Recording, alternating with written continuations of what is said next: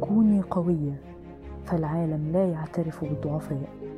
وما أوهنك بالأمس اليوم وغدا سيقويك تحملي وبالله تقوي. فمن أسند ضعفه لجوهر الله عز على العالمين كسره أبدا.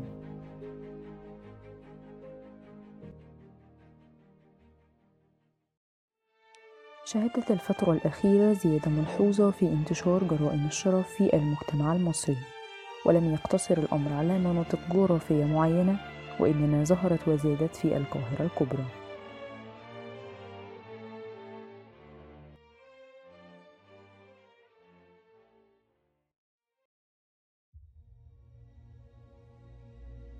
إنما يسمى بجرائم الشرف من أبشع الجرائم الإنسانية إلا أنه ما زال هناك من يبرر ارتكابها ويظن القاتل أنه يطهر نفسه من العار. ولا يعلم أنه يرتكب ما هو أخطر وهو قتل النفس التي حرم الله قتلها إلا بالحق وهو بذلك يستوجب القصاص. فيقع سنويا حوالي خمسة آلاف شخص وخاصة النساء ضحية لجرائم الشرف. وأثبتت الأبحاث ارتفاع نسبة جرائم الشرف في مصر بنسبة 92% وأكدت التقارير أن 70% من الجرائم يرتكبها الأزواج ضد زوجاتهم.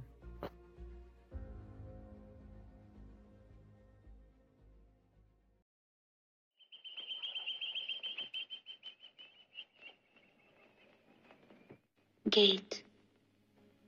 أنا كنت مستنية العمر بطول وأنت في الكلب وصوتك غالي في الوداد صغيرة لقياك سعد وفرح. كبيرة لقياك ونيس وسامع شكواي كنت وحديك معاي في الليلة المشؤومة.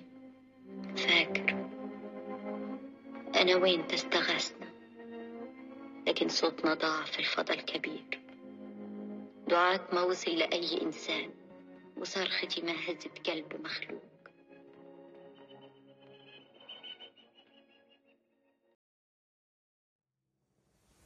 الخيانة جريمة كباقية الجرائم ولذلك يجب أن تتوافر أركانها.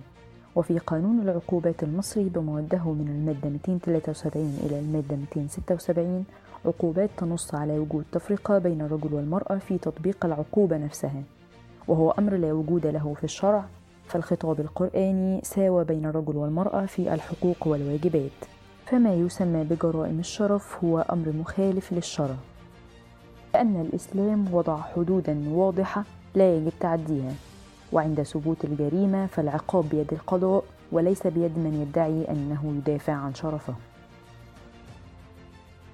ينص قانون العقوبات المصري في المادة رقم 273 أنه من فاجأ زوجته في حالة تلبس وقتلها يعاقب بالحبس وتكون العقوبة مخففة باعتبار أن هذا الفعل يندرج تحت مسمى الدفاع عن الشرف في حين أنه عند قتل المرأة لزوجها تواجه عقوبة مشددة أو مؤبدة وقد تصل إلى الإعدام. فالقضية في التشريع وليس في الجريمة حيث أن القانون الذي من المفترض أن يكون رادعا صار دافعا إلى ارتكاب القتل واستسهاله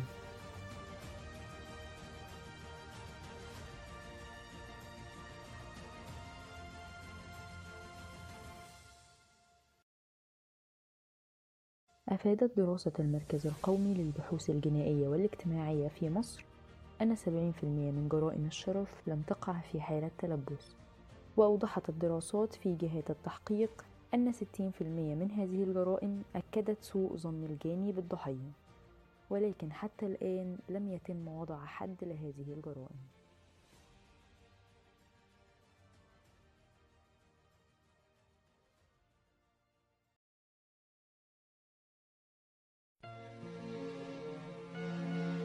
إن دوافع الشرف وغيرها هي مجرد دوافع وبواعث لا تعلو أو تسمو فوق حق الإنسان في الحياة. فالدفاع عن الشرف مجرد دافع لا يدخل ضمن أركان الجرائم التي يعتد بها القانون فإلى متى سيستمر القتل تحت عباءة الدفاع عن الشرف؟